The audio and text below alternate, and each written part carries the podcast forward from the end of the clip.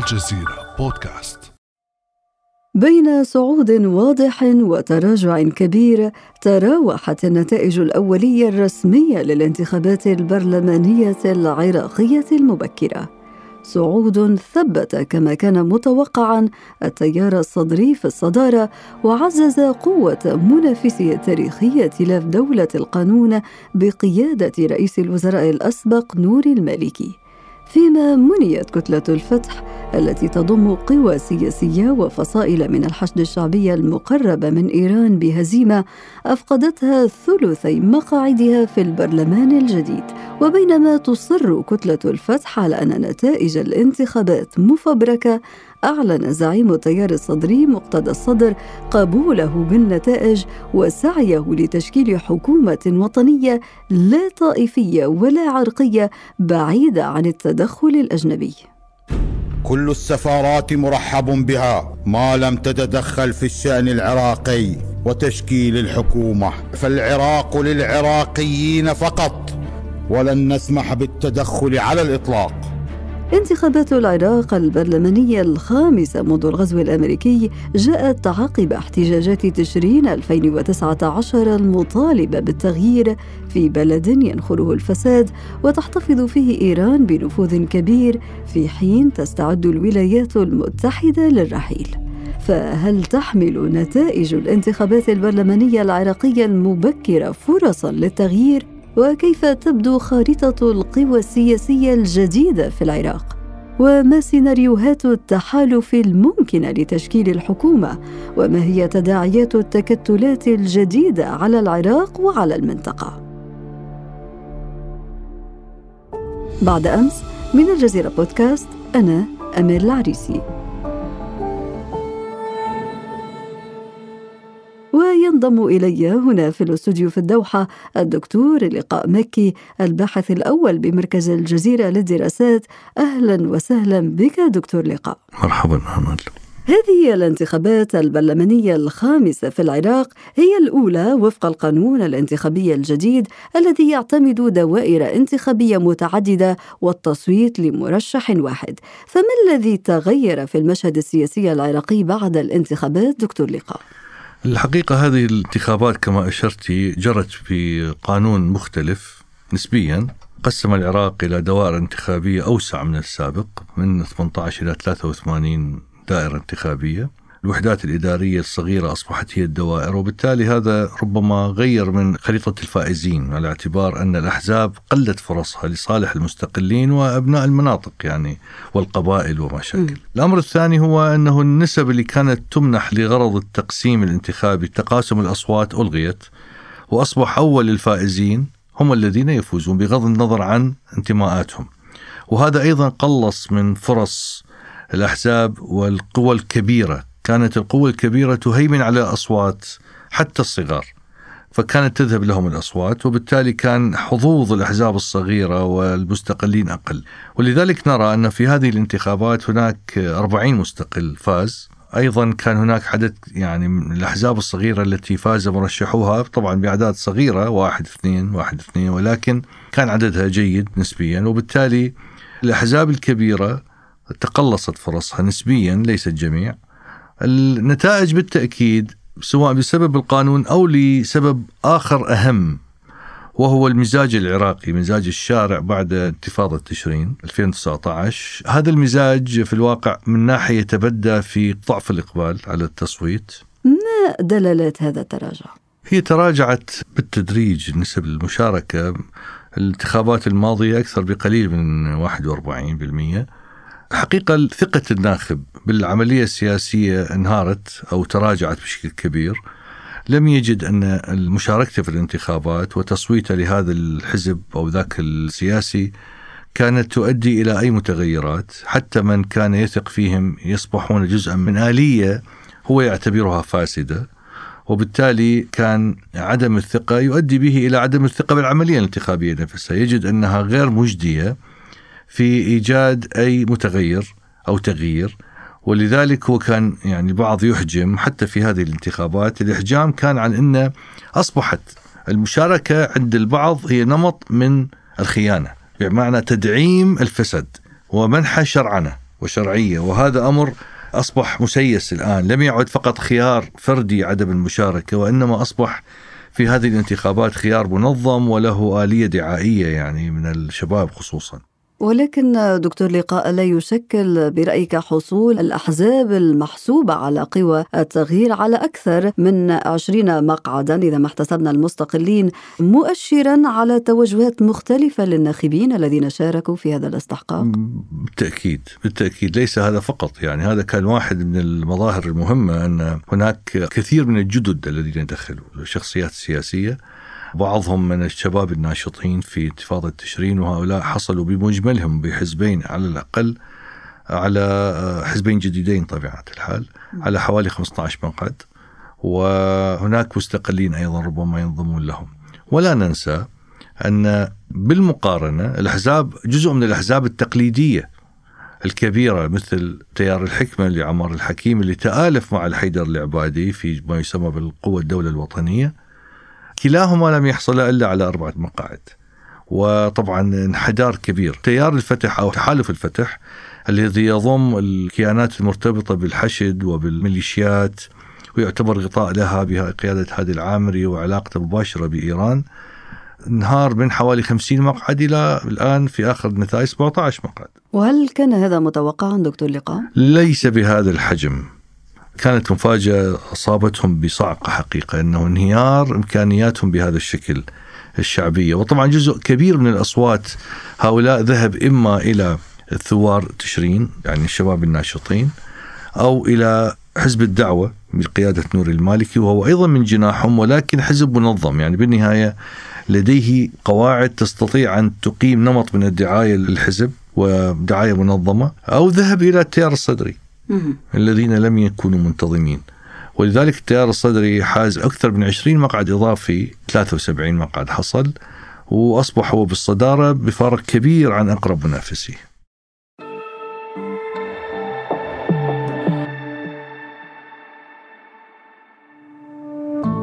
ابقى على تواصل مستمر مع الجزيرة بودكاست ولا تنسى تفعيل زر الاشتراك الموجود على تطبيقك لتصلك الحلقة يومياً.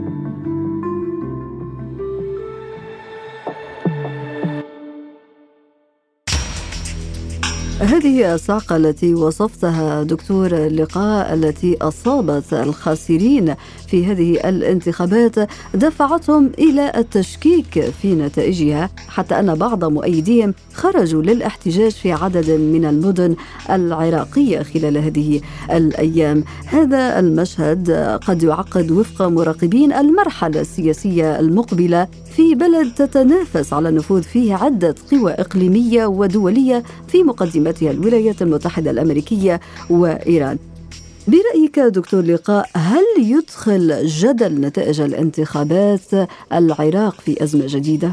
الحقيقة الانتخابات أدخلت توا العراق في أزمة هو الآن في أزمة أزمة سياسية وربما تتحول إلى أكثر من ذلك يعني هناك تلويح بأزمة أمنية بغض النظر عن جدية هذا التلويح وإمكانية تحقيقه ولكن هناك حالة يعني قلق حقيقة داخل العراق من إمكانية أن يتحول السجال حول الانتخابات ونتائجها إلى هذا النمط من الصراع. لأن الأطراف الخاسرة أو التي تعتقد أنها خسرت الكثير من المقاعد في هذه الانتخابات لا سيما الميليشيات وتيار الفتح اتهمت فورا المفوضية بتزوير الانتخابات يعني قدمت الكثير من الكلام بدون أدلة ولكن هناك كلام كبير عن تزوير الانتخابات وإنها انتخابات باطلة وأصدرت عدة بيانات حقيقة بما يسمى الإطار التنسيقي ليضمها ويضم الأحزاب اللي يمكن وصفها بالتيار الشيعي المضاد للتيار الصدري.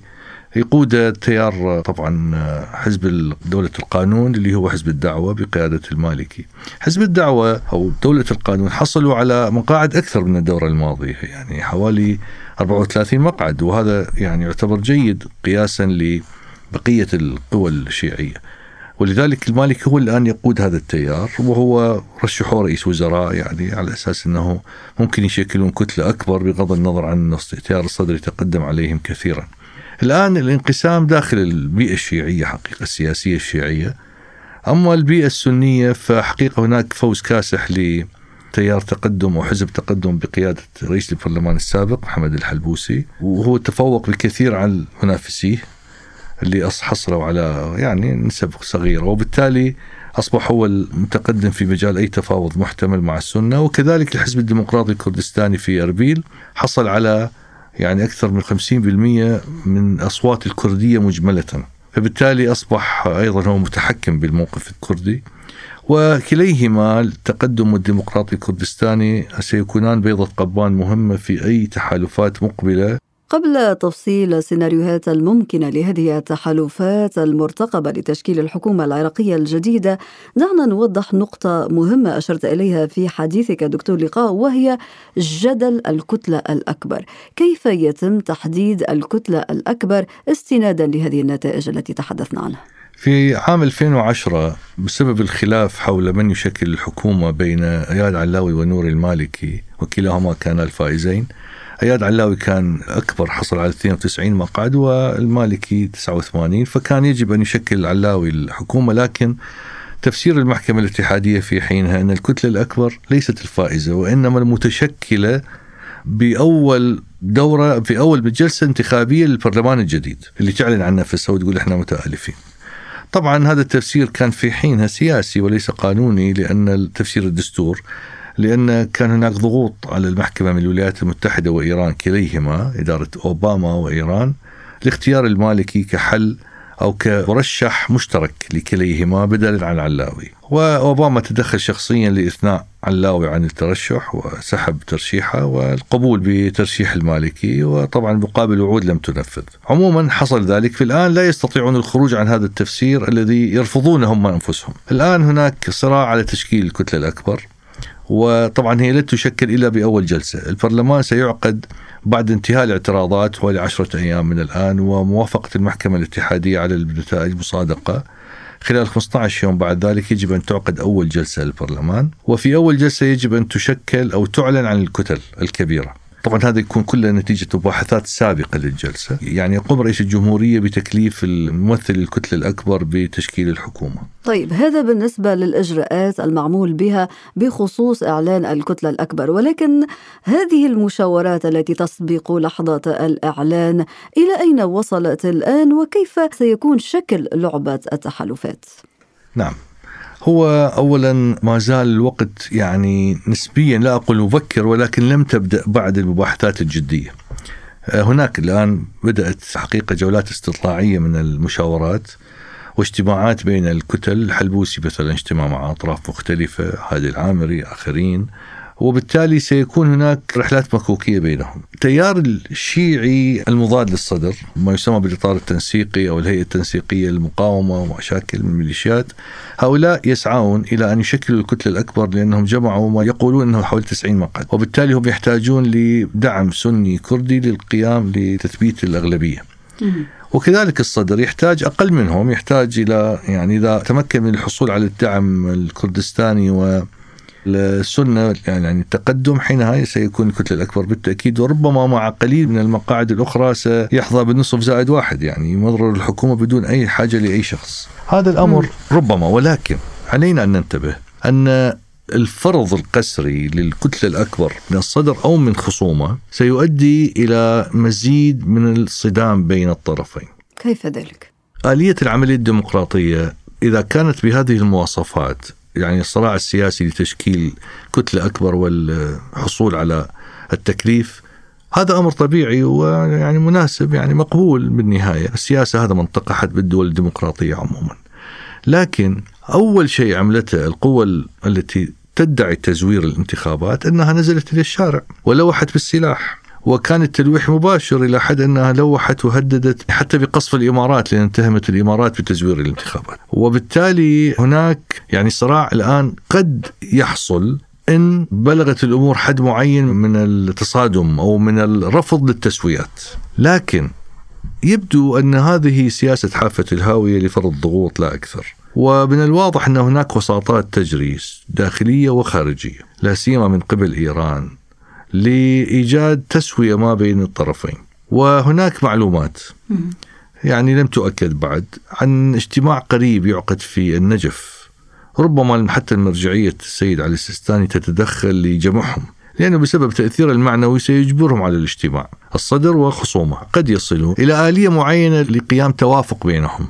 وهل هذا وارد برأيك دكتور؟ هذا وارد نعم ولكن أي توافق سيحصل قد يتضمن الموافقة أن يقوم الصدر بتشكيل الحكومة مقابل أن يمنح شركاء الشيعة المتخاصمين معه مقاعد مهمة في الحكومة المقبلة وأيضا أن يعطيهم ضمانات بعدم التعرض لا لسلاحهم ولا لمواردهم الاقتصادية الخاصة اللي هي منافذ حدودية طبعا هي خاصة بالدولة ولكنهم يسيطرون عليها ولكن أحد البنود الهامه في برنامج التيار الصدري الانتخابي وما أعلنه أيضا في خطاب ما أسماه النصر بعد إعلان النتائج الاوليه للانتخابات تحدث عن أن أولوياته مكافحة الفساد وتفكيك الميليشيات وحصر السلاح بيد الدولة دون غيرها.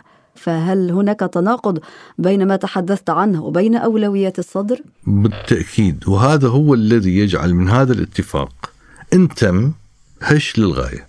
أنا أعتقد أنه الصدر قد يجد أنه من المصلحة القبول بهذا الاتفاق مقابل أن يكسب مزيد من الوقت. هو محتاج لفسحة من الهدوء لتشكيل حكومة مستقرة. لأنه بدون هذا الهدوء لن يشكل حكومة، سيكون هناك الكثير من الأخذ والرد وربما شهور. وحتى إذا شكلت فستكون تعمل في بيئة متوترة ويخلقون لمشاكل. وهناك سيناريو آخر دكتور لقاء طرحه بعض المراقبين إضافة إلى ما ذكرت يتعلق بإمكانية وصول هذه المشاورات إلى طريق مسدود وبالتالي دفع نحو إعادة تكليف رئيس حكومة تصريف الأعمال الحالي مصطفى الكاظمي بالبقاء في منصبه وبتشكيل الحكومة الجديدة كحل وسط يعني. هذا غير دستوري لا يمكن. قانونا انتخابات ماضية ويجب تكليف الكتله الأكبر بالتشكيل الحكومة، هذا أمر أصبح قائم ولا يمكن التراجع عنه لا سيما وأن هذه الانتخابات تمت بإشراف مجلس الأمن بقرار من مجلس الأمن يعني إشراف دولي بقرار من مجلس الأمن، بالتالي أي تنصل منها ومن نتائجها أو تعدي على النتائج سيكون خلاف نقض لقرار مجلس الأمن. لكن لو أن المجتمع الدولي وجد أن من المصلحة مراعاة التهديدات الأمنية التي يمكن أن تحصل ربما فهناك الآن يعني ربما يحصل شيء ولكن هذا مستبعد جدا. الآن هناك دعوات لإقامة حكومة تصريف أعمال من قبل الخاسرين لكن ليس مصطفى الكاظمي. طرحوا اسم فائق زيدان هو رئيس مجلس القضاء الأعلى. ستة أشهر وأن تقام الانتخابات في موعدها الطبيعي اللي كان يجب أن يجري في شهر أربعة المقبل أبريل. لكن طبعا هذا أيضا كما أشرت لا علاقة له بالقانون ولأن هذه الانتخابات لم تعد شأن محلي فقط بل كان هناك إشراف في قرار من مجلس الأمن فلذلك ليس من الممكن حقيقة فرض شيء في هذا القبيل. ستمضي الانتخابات ونتائجها. السؤال المطروح هنا أيضا إذا كنت تستبعد هذا السيناريو دكتور لقاء هو لماذا لا تذهب هذه الأحزاب الخاسرة إلى صفوف المعارضة؟ أه، ثقافة المعارضة السياسية في العراق الحقيقة ليست موجودة أما أن يكون الجميع في السلطة أو لا يكون أحد لأن السلطة هي تقاسم أرباح ونفوذ أه، ومناصب وأموال. وبالتالي على الجميع أن يربح أو أن يكون له نصيب في الربح أما المعارضة فيعرفون أو ربما هناك قناعة بأنها ليس لها فائدة ولن يكون لها تأثير بالمشهد السياسي من هذا الجانب نجد أن هؤلاء أيضا الشيعة المعارضون أو جماعة الحشد والذين يعارضون الصدر يعتقدون أن خروجهم من السلطة إلى المعارضة سيجعلهم هدف سهل لتوعد الصدر بسلاحهم ومواردهم الاقتصادية. وهذا الخطاب الأول بعد إعلان النتائج الأولية. بالتالي هم يريدون أن يكونوا جزءا من السلطة وبضمانات يعني مثلا وزير الداخلية منهم مثلا. وأن يكون مثلا رئيس أركان الجيش منهم. كي يكونوا على الأقل واثقين أن هؤلاء سيحمون مصالحهم. ليست هناك معارضة في العراق استنادا لرأيك دكتور لقاء مكي ولكنك تحدثت في سياق إجابتك عن أن الانتخابات العراقية ليست شأنا محليا وإنما هي شأن دولي. ومن الوارد أن تحدث تدخلات من المجتمع الدولي باتجاه دفع هذه التسويات تفاديا للتوترات في المنطقة وهنا يطرح السؤال عن تداعيات وتأثيرات الانتخابات العراقية على المنطقة طبعا من المهم التذكير بأن غزو العراق كان له تأثير مباشر لاحقا وارتدادات في كل أنحاء المنطقة. بالتالي أي حدث يجري في العراق الآن أو متغيرات سيكون لها تأثير على المنطقة. مثلا لو أن الصدر شكل الحكومة بمزاجه ونفذ أجندته فمن الواضح أنه قد يكون له سياسة فيها انفتاح أكبر وأكثر جرأة مع الدول العربية وأكثر جرأة في يعني لا أقول خصومة مع إيران بالعكس لكنه لن يكون على الأقل جزءا من المشروع الإيراني وهناك فرق بين أن تكون صديق لإيران وأن تكون جزءا من المشروع الإيراني. خصوم الصدر من التيارات الشيعية التي تسمى الآن بالإطار التنسيقي في الواقع لديهم أو لدى بعضهم على الأقل علاقة مباشرة مع ايران تصل حد يعني التحالف أو التبعية لأنهم يعلنون أن ولائهم للمرشد الأعلى السيد علي خامنئي ولذلك يسمون بالولائيين. وهؤلاء لديهم القوة والسلاح والمال والنفوذ في العراق. بالتالي هناك فرق بين هذا وذاك فإذا ما ذهبت سلطتهم التي كانت إلى الآن موجودة بالتأكيد سيكون هناك مشكلة في المشروع الإيراني في العراق وفرص النفوذ الإيراني في العراق.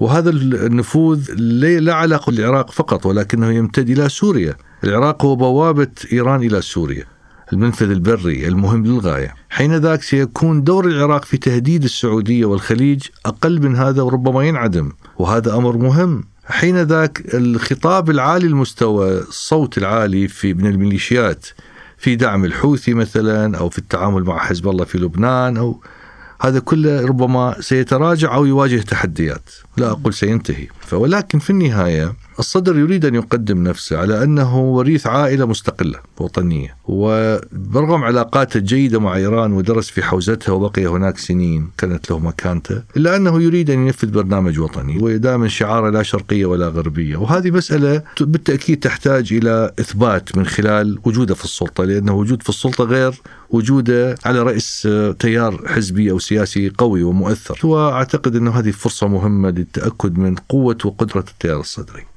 وربما الفرصة التي ستتاح لتيار الصدري عند توليها السلطة ستتضح مآلاتها عندما تظهر معالم التحالفات الممكنة التي يتم التشاور بشأنها الآن. أليس كذلك؟ نعم بالتأكيد وهذه مسألة غير محسومة. ستحتاج إلى أسابيع حتى تكتمل. ومثل ما أشرت قد يكون هناك توافق في مرحلة ما لكنه بالتأكيد سيكون توافق هش وهش للغاية السؤال الأخير دكتور لقاء هو هل جاءت هذه الانتخابات وفق نتائجها الأولية طبعا بفرص للتغيير؟